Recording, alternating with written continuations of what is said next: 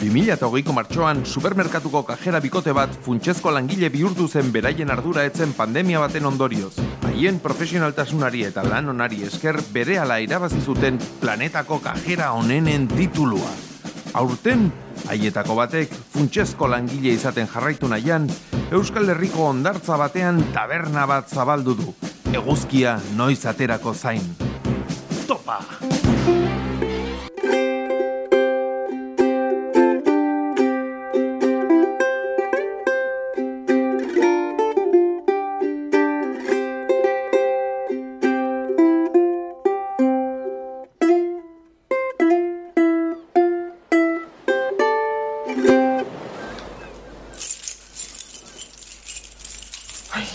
Bakarratu ez bada, ba, borobila izango da. Ja. Ai, ez da ere. Ai, igual honekin aurretik ere saiatu naiz. A ber, borobila ez. Karratu ez da ere. Beste karratu ez da ere. Ai, karratu hau ez da ere. Igual beste borobila. Itxita dago, eh? Aizu! Itxita daola! Ai, ze majo. Ai, zein izan da azken giltza. Borobila ez da ere. Hola, e, itxita dago, eh? Zer? Txingitua itxita daola. Barkatu baina chill out beach bar bat da. Ah, ba, txingitua mate, eh? baina itxita dago. Badakit, eta ondo itxita ere. Ezin dut ireki. N- Nahi batzu launduko izut. Atea erre xirikitzea, baina oi bai, eh? Barrukoa gero erdi bana. Zer? Eh? Laportu egin nahi duzu? Eh? Zertarako iriki nahi duzu chill out beach bar hau? Txingitua. Ta zertako iriki nahi zuzuk? Ba, lan egiteko.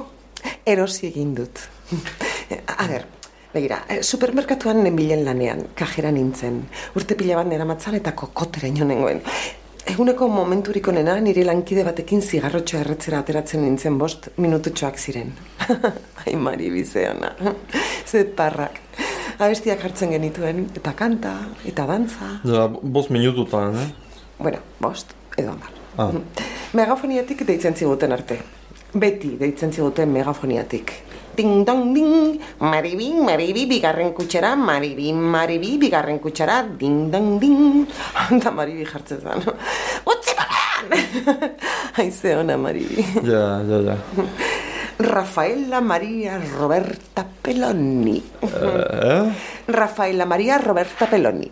Badakizun orden? Izenez ez, baina igual biztaz ezautuko, eh? Rafaela Karra. Ah, Explota, explota, me explota, explota, explota mi corazón. Ja, ja. Ba, maribik eta biok abestiak mobilean jarri eta kanta eta dantza egiten genuen. Baina gaixoa, hil eginda, malibi? Rafaela. Ah, Uztailaren bostean, astelena. Supermerkatuan nengoen eta norbaitek esan zuen. Explota, explota. Azkenean horrazoia zuen. Jo, jo, jo, jo, jo. Eta begira, txiko. Grazia putik ez. Para hacer bien el amor hay que venir al sur. Kantatu ondoren astelen batean hiltzea ere.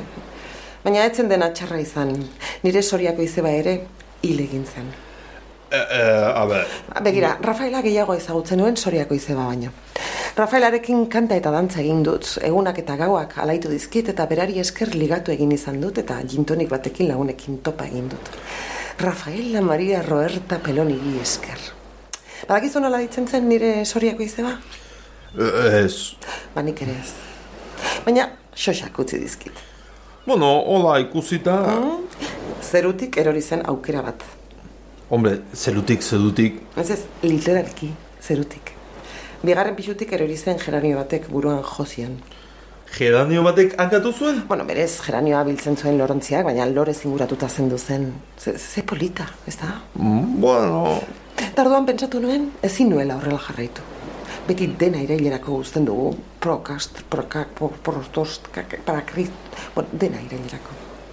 Ba dena utzi eta nire kabuza biatzea erabaki nuen. Oraingoan enuen dena irailerako utziko. Lehenbailen hasiko nintzen nire bizitzaren gidari izaten eta zoriontsu egingo ninduen tokian. Egongo nintzen, irailerako utzi gabe. ja, abuztuan. Bueno, zailan liatute ibili naiz. Total, chill out beach bar bat erosi nuela. Txingitua. Ah, Nahi duzuna, baina orain nirea da, eta nire zoriontasunaren giltzak dauzkat. Abai, Oh, bazkozu, beto, giltzagin erretxago irikitzea, truko dauka, eh? Atea itira, idiki eta bultza. Iduki formako giltza da. Irukia, hankarratuak eta borobilak bakarri dauzkat, eta denak probatu ditut, Eta ez da idiki? boz ez da ireki. Normala, iduki formakoa da. Ba, giltza hori ez daukat. Lazai, bakut nik tira. Nire txilaut bitx barren giltza daukazu? Eh? E, e, e- Ekarri giltza hori, baina, baina, baina derrepentean. Listo, idikita. Eta txingitua. Oso no, baina ekarri giltza... Ai, ama, zeu saina! Hombre, normala, itxita inbeste denbora onda... Oh, Unik kanpoan geldituko naiz. Eta zu ere bai, Bale, bale, bale, bale. jende gutxi dabil, ezta? Lainotuta dagoelako igual? Bai, bueno, ondatza txikia da, apakatzeko toki askodik ere ez da hon. Eulaldiak ez du laguntzen eta atxaldeko zortzitan jende gutxi gelditzen da ondartzan. Ja. Nire itzait ondartzara goiz etortzea gustatzen. Jende askorekin agobiatu egiten naiz. Ja, eh, nik ez dut ekonomiaz asko asko ez dut ulertzen, baina igual jendea da honean irikiko bazenu, igual gehiago salduko zenuke, igual, eh? Ja, igual bai. Bueno, gauza bat egingo dugu. Bihar goizean goiz etorriko naiz, hau aireztatu eta lanean hasiko naiz. Ondo, ba, hemen, hemen egon goa, ba. Bihar ere etorriko zara? Ba, noski egun nator garbitzailea naiz. Pentsatu dut, a- arropagatik edo.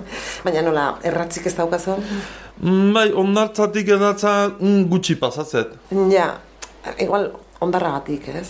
Bai, ondagarratik igual, bai. Eh, Jose Ramon. Zer? Neizena, Jose Ramon. Jose Damon? Jo, Jose Ramon ez, Jose Damon. Ah, ah, mm, bale, bale. Ni amaia, urte askotarako. Hm, Bimutsu usta, Ha, Distantzia, Jose Damon, distantzia. eh? bai, bai, bakatu, bueno, mo biharate ba, eh?